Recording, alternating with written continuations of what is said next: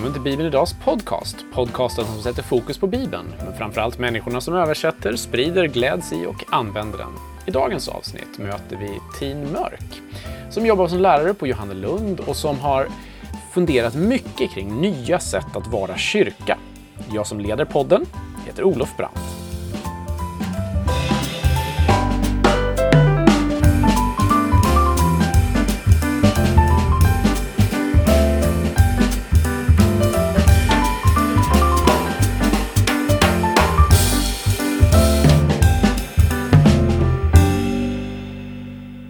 Varmt välkomna tillbaka till Bibeln Idags podcast och idag har jag slagit mig ner i en fåtölj på Johannelunds teologiska högskola tillsammans med Tin Mörk, eller ja, vi håller coronaavstånd i varsin fåtölj kanske man ska säga.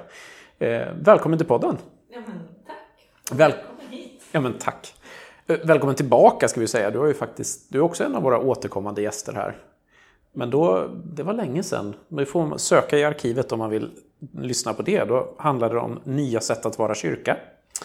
Eh, och idag ska, idag ska det handla om, eh, ja, församling och praktisk teologi och så vidare. För att eh, nu så är du anställd här på Johannelund.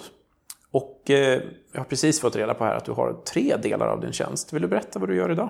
Mm, det stämmer. Jag undervisar i praktisk teologi på PPT-kursen, den pastorala profilterminen. Där man utrustas för tjänst på olika sätt. Eh, om man vet att man ska ut i prästtjänst eller pastortjänst eller bara, bara. Det finns inga bara i det, men eh, som ledare på något sätt kanske ute i en gemenskap på något, något håll. Så det är en del och eh, där undervisar jag om den lokala församlingen och liturgi. Och det är väldigt spännande. Där går det ju mycket igen det här med nya sätt att vara kyrka. Mm. Och sen har jag en del som heter församlingsentreprenörprogrammet som man erbjuder här på Johannelund för de som är väldigt inriktade på att eh, stå i tjänst och utveckla församling. Och det går ju också igen i det här med nya sätt att vara kyrka. Eh, och så har jag också en del då som är att jag är ansvarig för bibelskolan. Och allt det här har jag börjat nu de senaste tre veckorna så att eh, det är du ser ju här i rummet att det är, du sa att när du kom att det ser lite nyinflyttat ut och det kan man väl lugnt säga. Det är lite bart här så länge. Men, men då, jag vet att de som lyssnar, en del har stenkoll och en del andra är lite så här, har inte full koll på universitetsvärlden och sådär. Så jag tänkte det du sa, praktisk teologi, vad i hela världen innebär det? Ja, det är själva hantverket kan man säga. Och i vårt fall här så den här terminen innehåller fem olika kurser om jag nu minns rätt. Och då har jag två av dem då tillsammans med kollegor och det är den, den lokala församlingen och liturgik. Sen har vi en del som är spiritualitet och en del som är kateketik och en som är homiletik. Så det handlar ju om att, att få verktyg för att fungera som ledare i församlingen rent praktiskt också. Då. Men som du sa, ni, ni har några olika inriktningar och ni har en kurs i entreprenörskap, alltså, men ändå kopplat till församlingen. Alltså, klassiskt sett så tänker jag att Johannelund utbildar präster. Ehm, men vad, om man då går en entreprenörskapskurs, vad förväntar ni er att man gör i en lokal församling då? Ja, då är man den som kan gå i bräschen skulle jag säga, eller åtminstone vara med och eh, medverka till utveckling av olika slag. Det kan vara att starta nya gudstjänstfirande gemenskaper till exempel. Eller att utveckla de befintliga verksamheterna i ett, i ett, em, på ett missionellt sätt eller med, med en eh, tydlig kallelse att nå vidare med evangelium. Så att det är, jag ska inte kalla någon för en vildbase, men det är lite entreprenörerna, de som vill vidare, de som eh, Gud kallar till lite eh, annorlunda uppdrag skulle jag säga. Jag hoppas att jag kan få vara med och medverka till den utvecklingen i kursen. Jag tror att det är så den har varit. Jag tar ju över den nu. Men det har eh, handlat mycket om att se, göra tydliga omvärldsanalyser också, vara vaken för hur det ser ut idag. Både i kyrkan och utanför. Och ja, ta missionskallelsen på allvar, att gå ut och göra folk till lärjungar, att vara, att, att vara kyrka där människor är. Så det är också väldigt mycket i linje med Nya sätt att vara kyrka och därför mm. är det väldigt spännande att få vara med och, och undervisa i den kursen och också, tänker jag, få koppla ihop den med andra eh, utbildningar i andra mm. länder där mm. man också jobbar med de här frågorna. När vi pratades vid senast så var du, om jag minns rätt, anställd i ett projekt som då hade med nya sätt att vara kyrka. Och såklart, vill man veta mer om det så är det bara klipp tillbaka i arkivet och leta upp podden så får ni höra. Men vad, vad har du gjort sedan dess? Ja, just det. Eh, det var ett projekt som vi fick eh, pengar för, alltså vi säger, jag, för att jag var med och bildade ett nätverk för nya sätt att vara kyrka. Eller eh, som det på engelska heter Fresh Expressions of Church, en utvecklings och eh, missionsiver kan man säga i anglikanska kyrkan som tog fart i början på 2000-talet. Och den där, det har vi liksom eh, tagit del av och, och eh, byggt ett nätverk kring här i Sverige och relaterar till England och andra länder i det arbetet. Så att det nätverket sökte pengar 2015 från Svenska kyrkan på nationell nivå och fick pengar så att vi kunde ha ett arbete igång. Det, blev, det var tänkt att vara två år. Det blev längre för att efter ett och ett halvt år så eh, sökte jag annan tjänst eh, då komministertjänsten hemma i Rasbo pastorat där jag bor blev ledig. Och då tog det ett tag i mitt hjärta att också kunna jobba lokalt där jag bodde som präst. Eh, och i och med det så kunde vi då liksom spara lite pengar i det här projektet och mm. allokera det till 2018. Så på så vis så blev det där, Eh, det där projektet tre år istället för två år som det var tänkt från början med Nya sätt att vara kyrka. Men för mig var det fantastiskt att få jobba parallellt, både på lokalplan och resa runt i Sverige och se vad som händer. Och ja, vara med och inspirera förhoppningsvis till att eh, församlingar och gemenskaper, pastorat, stift får fundera mera över vad är det att vara kyrka i vår tid och hur kan vi leva i missionskallelsen och hur kan vi leda? För det är väldigt mycket en utmaning till ledare i kyrkan. Hur kan vi leda med öppna händer på något sätt? Alltså med att ta emot och ge vidare eh, utan att hålla för hårt i det vi har. Jag vet inte om jag är för luddig när jag säger så, men jag tror att det är en väldigt stor utmaning för ledare i kyrkan att våga leda en kyrka som går på delvis nya vägar. Så du började jobba på på det lokala planet som du sa, det, det tog tag i ditt hjärta att eh, få vara hemma vid.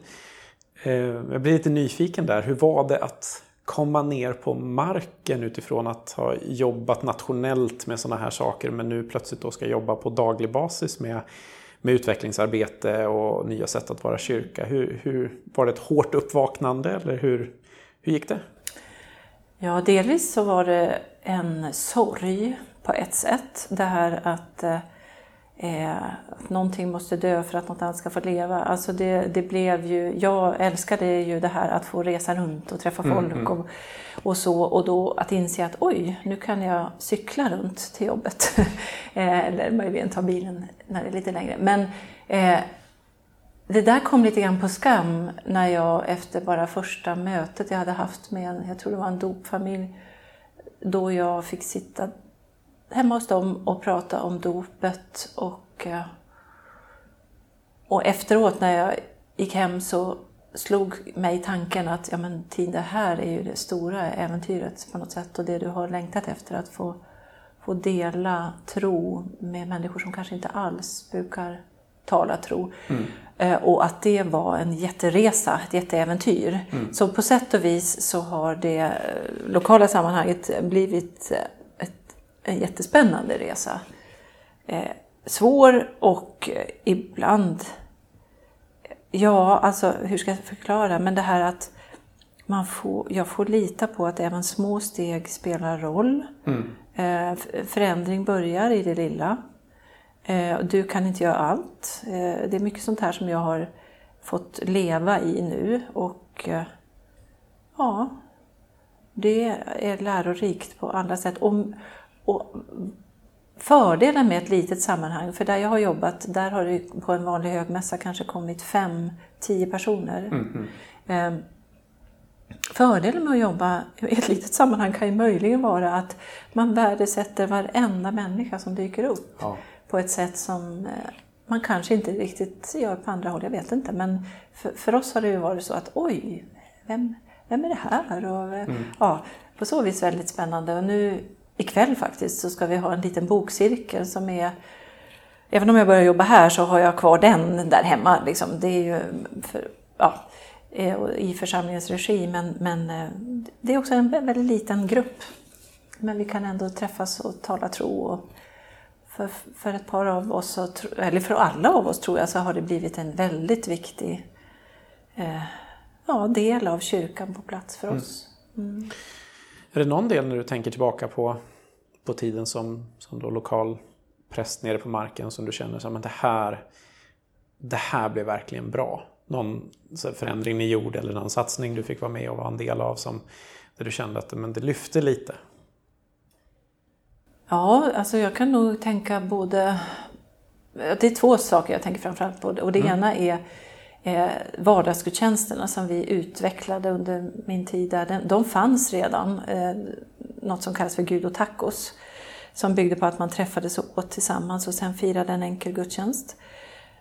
Eller sen firade en enkel gudstjänst, det är fel uttryckt för vi tänkte att, och det var bland annat en av förändringarna jag var med och bidrog till, tror jag, att, att tänka hela kvällen som en gudstjänst. Mm. Från att vi kom och satte oss runt borden, vilket också var en drop-in. Så att det, vikten av att alla skulle bli sedda, välkomnade.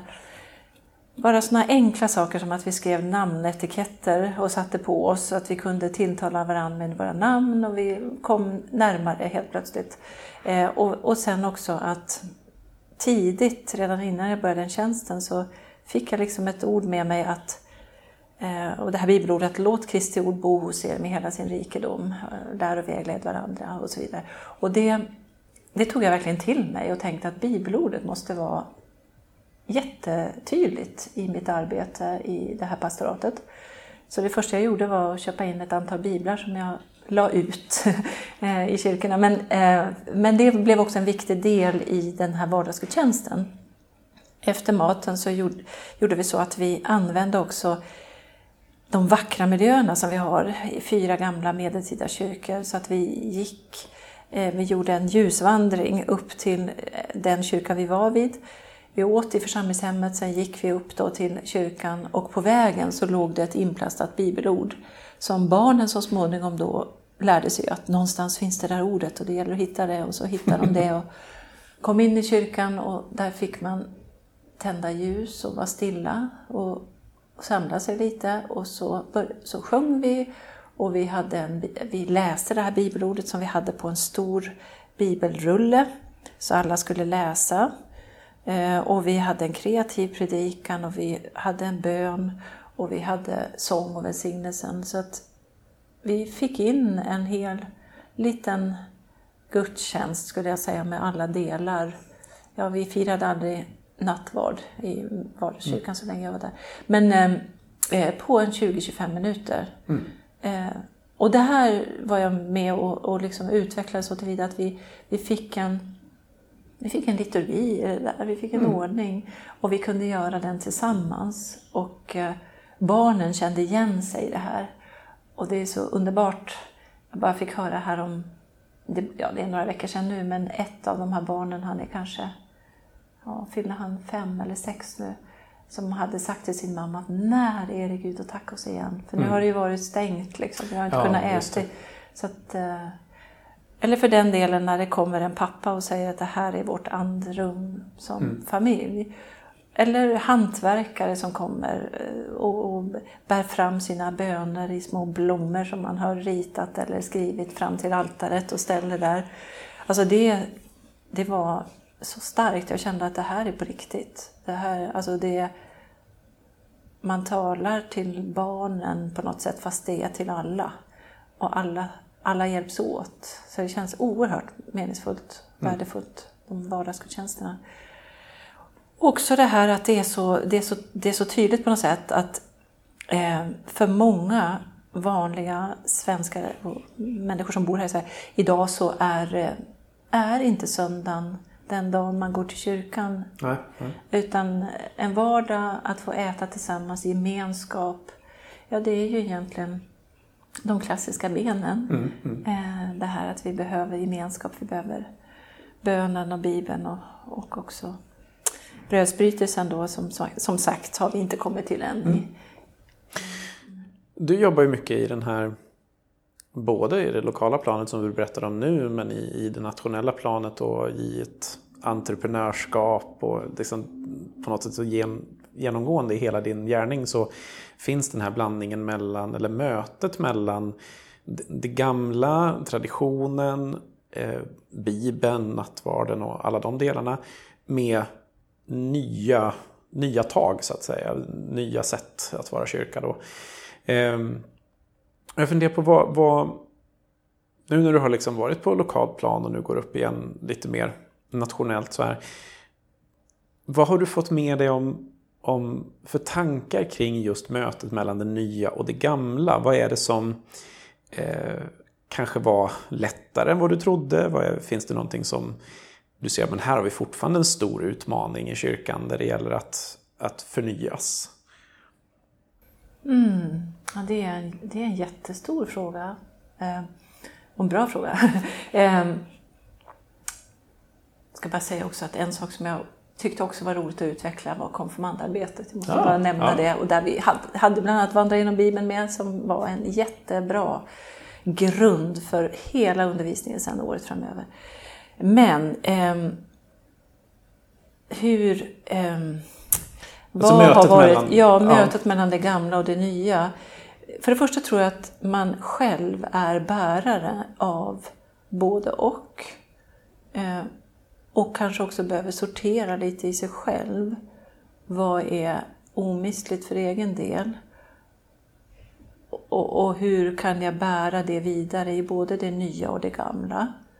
För mig är, och för många förstås så är det ju fokuset på evangeliet och på Jesus Kristus, att Jesus får vara i centrum och eh, att bjuda in till mötet med Jesus i ordet, i bönen, i allt det vi gör att Jesus får vara en tydlig aktör och en, en, en, en, en del i, i, och i det, det, mänskliga mötet på något sätt, att Jesus är där. Mm. Och, och, det tänker jag, om jag firar högmässa och läser de, de texter som är av inledningsord och ber de färdigformulerade bönerna och gör det väldigt så traditionellt och liturgiskt, så kan jag ändå ha fokuset på mötet med Jesus mm. i det. Och den heliga Ande är, är där och ger mm. livet. Eh, och lika åt andra hållet, jag får i ett väldigt eh, fritt och nytt och annorlunda sammanhang så får jag också lyfta fram Jesus och veta att hela den världsvida historiska kyrkan också är med för Jesus är, är Herre över kyrkan och huvudet för kyrkan. Och där möts, så att förstår du, det är, så jag, jag bär både och ja. i det. Och jag behöver inte lämna det ena för att jag är i det andra. Nej. Utan det snarare berikar varandra. Mm. Och jag är så fast och fullt övertygad om att båda behövs. Ja. Och jag tror att det är nyckeln till att vi ska våga också gå in i en slags förändring av nya former, som den här våren bara med Corona och, och allt. Vi, vi, vare sig vi vill eller inte så lever vi i nya sätt att vara kyrka. På ett ja. Och hur hanterar vi det? Och vi tvingas fundera över vad är, vad är essensen av att vara kyrka? Liksom? Vad, är, mm. vad är omistligt? Mm. Jag kan göra ett tvärtkast här. Eh, du också ansvarig för Bibelskolan här på Johannelund. Ehm, och vad var det som gjorde att du tog steget först och främst att, att söka tjänsten här och, och börja jobba, gå ifrån det lokala sammanhanget och börja jobba med då främst unga människor som går bibelskolan, även om bibelskolan på Johannelund många gånger även har människor mitt i livet. Vad var det som drog dig hit? Det var en kallelse att få komma hit och undervisa faktiskt. Mm. Ehm, och jag är tjänstledig från min tjänst eh, i mm. pastoratet. Mm. Så att eh, det var, jag fick en fråga om att komma hit och mm. undervisa och eh, för egen, jag hade bett och, och, och, frågat också mycket kring det här med nya sätt att vara kyrka och hur skulle det tas vidare? För de här pengarna vi pratade om, de var ju slut så det gick liksom inte att jobba på det sättet men jag reser ändå eh, ut och har föredrag och likaså den kollega jag hade då gör det. Men eh, det fanns, har alltid funnits en bön och en fråga, hur vill du ta det här vidare? Mm. Gud. Eh, och då såg ja, jag skulle säga att kanske andra har sett det mer än vad jag har sett, att det här skulle kunna bli en plats också där, där vi fick fortsätta att undervisa om eh, en missionell kyrka i vår tid Mm. i de här olika sammanhangen, i bibelskolan, i de här praktiska teologiska kurserna. Hur ser åldersfördelningen ut i bibelskolan i år? Är det mestadels unga människor eller är det... Det är mestadels unga, mellan 20 och 25 är de flesta. Ja. Eh, någon under 20 också, men eh, sen har vi en som är äldre, en pensionär. Mm. Det är, det är inte helt... Ni, ni lyckas med det här, att få till en blandning? Ja, ja, ja, vi har och en som är något äldre än 25. Men, men annars så är det en liten blandning. Ja, det är ju jätte, jätteroligt. Jag märker hur det brukar berika gruppen när jag möter dem, att det finns lite olika livserfarenheter. Sådär. Och, och jag måste säga det också att det roliga också i år är att det är flera som är alldeles nya i sin tro. Oh, Och det är också spännande att vara liksom hungrig på att läsa Bibeln. Ja. Vad um, ser du fram mest emot att, att få jobba med, med unga människor och då även till viss del nya människor som är nya i tron? Um, vad är det liksom som du, när du såg den här tjänsten framför dig och det började liksom uppenbaras att, att du skulle ta dig hit och, och få jobba med bibelskolan. Vad, vad är det som tänds inom dig när du får, får tänka på det? Ja, vad är det som tänds inom mig? Nej men att människor och jag själv, alltså för det första så tänker jag att jag kommer att lära mig mest av alla de här, det här året. Jag, min tjänst är till att börja med ett år här nu då, får vi se sen. Men det är så, det är en... Men eh, och eh, ja, men en tro som bär, en tro som håller för, för livet och för tvivel och för frågasättande utifrån den tid vi lever i som ju är väldigt tuff för att på många sätt att vara kristen och få ihop sitt liv. Det kanske i viss mån alltid har varit tufft, men eh, i, den off- i offentligheten idag så talas det ju inte mycket om eller refereras till eller ges någon cred till kristen tro särskilt mycket utan Nej. kanske snarare tvärtom. Och att liksom få, ha, få bli trygg i sin tro eh, som ung, det och, och liksom bli bevarad på något sätt i sin tro, där, där skulle jag det skulle jag vilja vara med och bidra till. Och då handlar det nog om att liksom fila lite i alla ändar tror jag. Att Ja. man behöver liksom testas och testa sin tro åt lite olika håll för att det ska hålla. Liksom. Ja. Eh, Det är inte liksom massa färdiga lösningar då tror jag. Vad, vad har bibelskolan här för eh, inriktning om man jämför den med andra bibelskolor? Vad är det som man tänk, tänker är huvudfokus i bibelskolan här? Jag skulle säga att det är just Bibeln. Alltså det är väl förhoppningsvis på alla bibelskolor. Men här är det ju också lite... Eller det är ju fantastiskt att vi har tillgång till så kunniga lärare. Eh, och det är ju en källa verkligen som vi öser ur. Och lärarna är duktiga och kunniga också på att, att eh, hur ska jag säga, finnas till hands och vara flexibla och liksom möta frågorna som kommer. Alltså jag tror att det är inte bara en akademisk högskola utan man sätter också ett högt värde på bibelskolan som ju inte är eh, är på högskolenivå utan det, det är en folkhögskolekurs. Ja. Så den är ju delvis lite annorlunda. Men, men det finns liksom inga... Det finns mycket lärar, lärarresurser, mycket kunskap här för att fördjupa sig i Bibeln. Och det skulle jag säga är den stora eh, nischen här. Som vi också vill fortsätta att utveckla och i framtiden. Och, och, och så kombinera det med en del som är apologetik och också utifrån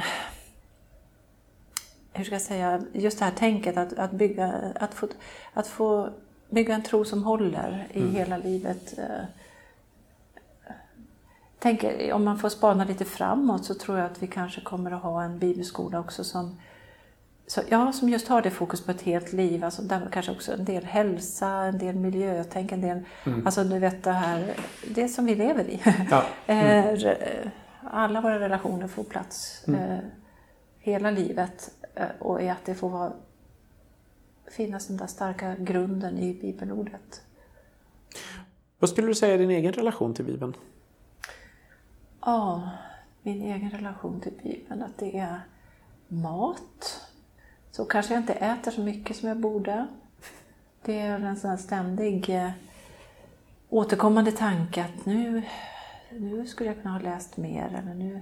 Men jag är nyfiken på bibelordet. Eh, och jag vill umgås med Jesus i ordet. Eh, så jag söker mig till Bibeln varje dag. Eh, ibland i väldigt korta verser, ibland läser jag längre. Men ehm, jag tycker att de här stora skeendena, de stora röda, den, som den röda tråden i Bibeln som, som man kan behöva påminna sig om ibland, den är jätteviktig för mig. Ehm, Ja.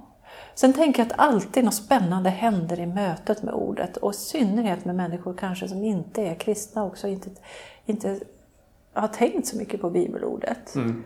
Och får läsa och se eftersom jag tänker att vi möter Jesus när vi möter ordet på ett eller annat mm. sätt genom, ja, Guds ande visar oss ju Jesus. Och eh, därför tycker jag det är väldigt spännande med Bibeln. Mm. Verkligen. Och sen jättesvårt. Jag blev ombedd att skriva i den här, eh, en sån här kyrkårstexter. Mm. Och fick en text om eh, hur, ja, det här med ramar, skriet i ramar. Liksom alla, mm. Hur ska vi skriva om det? Alltså, ja. det eh, det finns en utmanande sida av det också helt enkelt. Verkligen. Ja, ja. Hur, hur är favoritsättet att ta till dig bibelordet just nu? Jag kan tänka att det kan växla från dag till dag, men om du får svara i nuet. I nuet så måste jag nog svara att det är den där, ja, innan sändning här så nämnde jag en app som jag tyckte, som jag har fått mycket hjälp från. Eh, och det är, den heter Pray as you go. Eh, och då är den på engelska, men det spelar ingen roll. Ibland tycker jag också att det är underbart att få höra Guds ord på andra språk. Ja. Mm. Det, det verkligen berikar. Och då är den på engelska och den är väldigt, eh, den är ganska ignatiansk och lugn och meditativ. Men den, då man läses ett stycke ur Bibeln, det varvas med musik några tankar, reflektion, bön. Men det är också så att man varje dag, man, man påminns eh, att idag är det tisdag den 15 september. Det är liksom, redan i inledningen, i de orden, märker jag att jag lite grann lugnar ner mig. Ja. Mm. Nu är vi här för att ta emot liksom, Guds ord idag. Det hjälper mig att ta vara på det lite, tror jag. Mm man kan ju liksom slarv... Jag kommer på mig själv ibland att jag slarvläser. Jag bara liksom, ja nu måste jag läsa något. Ja, just det. Bara för att, liksom, och se vad som händer. Men att liksom, stanna till i lugn och ro. Mm. Och det har den där... Eh, så det är ju inte att jag läser, det är någon som läser för mig. Ja. Men det fina också där är att man läser texten två gånger och det är inte så dumt. Mm. Det skulle vi göra oftare tror jag. Det tror jag också. Jag har mm gjort det ibland när jag predikat, eh, i synnerhet om texten inte läses i direkt anslutning till predikan. Ja. Då tänker jag att då har vi ju ofta glömt en hel del när det är dags att predika. Mm. Du nämnde det tidigare att det kanske är, kan vara lite tufft att vara kristen och det kan vara eh, det, det lyfts inte så mycket i eh, kanske positivt. Jag har ju sett det, det är många som har reagerat på hur man i så här, coronarapporteringen eh, lyfter kulturen eller man lyfter idrotten men man nämner inte kyrkan vid, vid namn eller sådär. Eh, men du som ändå är på, på, har varit mycket och rest och varit på nationellt plan får ju också se, se godbitar så att säga. Vad, vad, vad ger dig hopp för, för kyrkan i Sverige? Och kyrka i stort? Ja, men jag, det ger mig hopp att se hur ledare i kyrkan har en nyfikenhet ändå. Jag tycker inte, alltså på vad som kan hända. En del kanske inte uttrycker sig så tydligt att hur Gud kommer leda sin kyrka. Eh, man kanske inte talar alla gånger i sådana termer, men jag tycker att det finns ett, en nyfikenhet att se, inte minst nu, vad, vad Gud ska leda. Eh, och också en beredskap att vi kan inte fortsätta som vi alltid har gjort. Eh, det finns ett slags krismedvetande som ger mig hopp. Mm. Nu pratar jag mycket om Svenska kyrkan då, mm. men jag antar att det kan vara lite lika på andra håll. Att um, och, och en, en, en, beredskap och en öppenhet att, att lyssna på, på, på nya sätt och ta in eh, andra sätt att göra saker. Det här kanske inte är sant överallt, men när du frågar efter tecken som jag ja. ser mm. så tycker jag att jag ser det. Mm. Och det kanske vittnar om en ödmjukhet, att vi behöver varandra, vi behöver... Ja, vi, vi, ja, vi är en kyrka med Kristi som, som vårt, vårt huvud liksom. Mm. Eh, och, och, vi måste lyssna till mm. Jesus i vår tid. Och, och, och det har varit väldigt uppmuntrande när jag varit ute och rest och påminna oss om hur Gud talar till oss. Att Gud, Gud talar till människor och har alltid gjort på olika sätt. I sitt ord i skapelsen, genom sin ande, genom gemenskapen. Och, eh, och det har varit väldigt uppmuntrande att i jag skulle säga alla möjliga sammanhang så har det, har det mötts med en glädje att tänka den tanken Gud talar till mig. Mm. Mm. Eh, vi är inte bara några i kyrkan som står för det. Liksom. Nej. Och det tycker jag är hoppfullt. För då kan det också finnas en, en längtan efter mer, upptäcka mer. Och, ja, men vad säger då Gud? Och hur, kan vi, hur kan vi våga gå på det? Och vad betyder det i mitt liv? Och hur, ja, hur kan det bli viktigt för mig? Mm. Det är väl ett alldeles utmärkt ställe att här, gå in för, för landning. Eh, är det någonting som du har på hjärtat som, som du känner att jo, men, oh, det där måste jag få, få, få berätta eller säga också. Eh, det kan ju ibland vara sånt som dyker upp i ett samtal. Oj. Eh. Nej, men jag känner stort hopp för kyrkan. Mm. Alltså verkligen. Verkligen. För det är inte...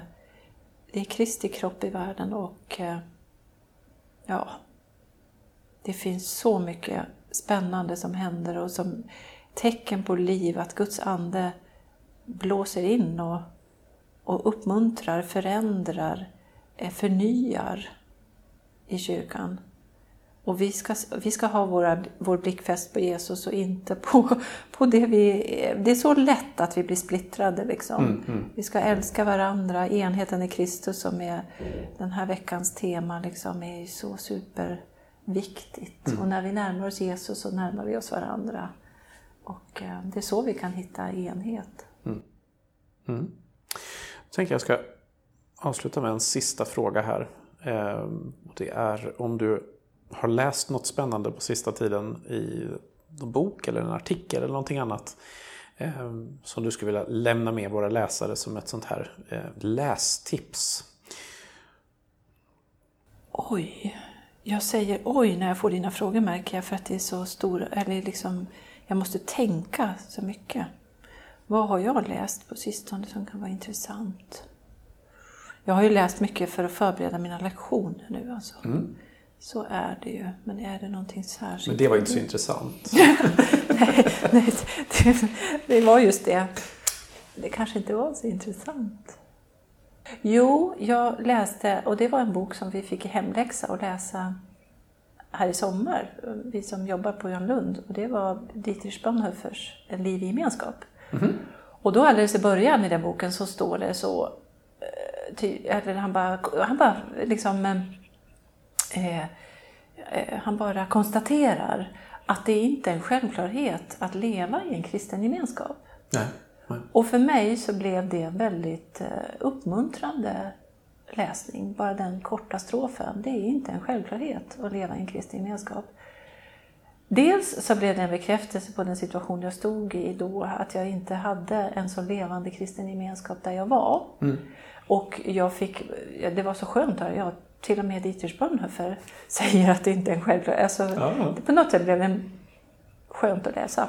Eh, och, och sen blev det också en eh, Ja, det blev en hjälp att kunna identifiera sig vidare i den läsningen. Och, och också att, att värdesätta när vi har den. Just det. Det, det blev en liten ögonöppnare för mig. Så att jag, ja men här i morse när vi fick fira mässa tillsammans på Johannelund, jag bara åh, härligt. Mm. Tack. Ja.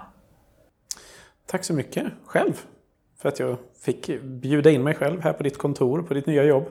Eh, och all välsignelse önskar jag dig i din fortsatta utveckling här på, av, av programmen du har ansvar för och alltihopa här på Jannelund. Och tack till er som har lyssnat. Eh, jag vill också ta tillfället i akt att påminna om så här i coronatider att eh, om ni uppskattar podden och uppskattar det som Bibeln idag gör så vill jag påminna om möjligheten att eh, ja, men ge, ett, ge ett bidrag. Eh, swishnumret finns i beskrivningen till avsnittet. Eller också bara att berätta för andra människor om att podden finns och om du uppskattar den så är det alltid en stor hjälp för oss.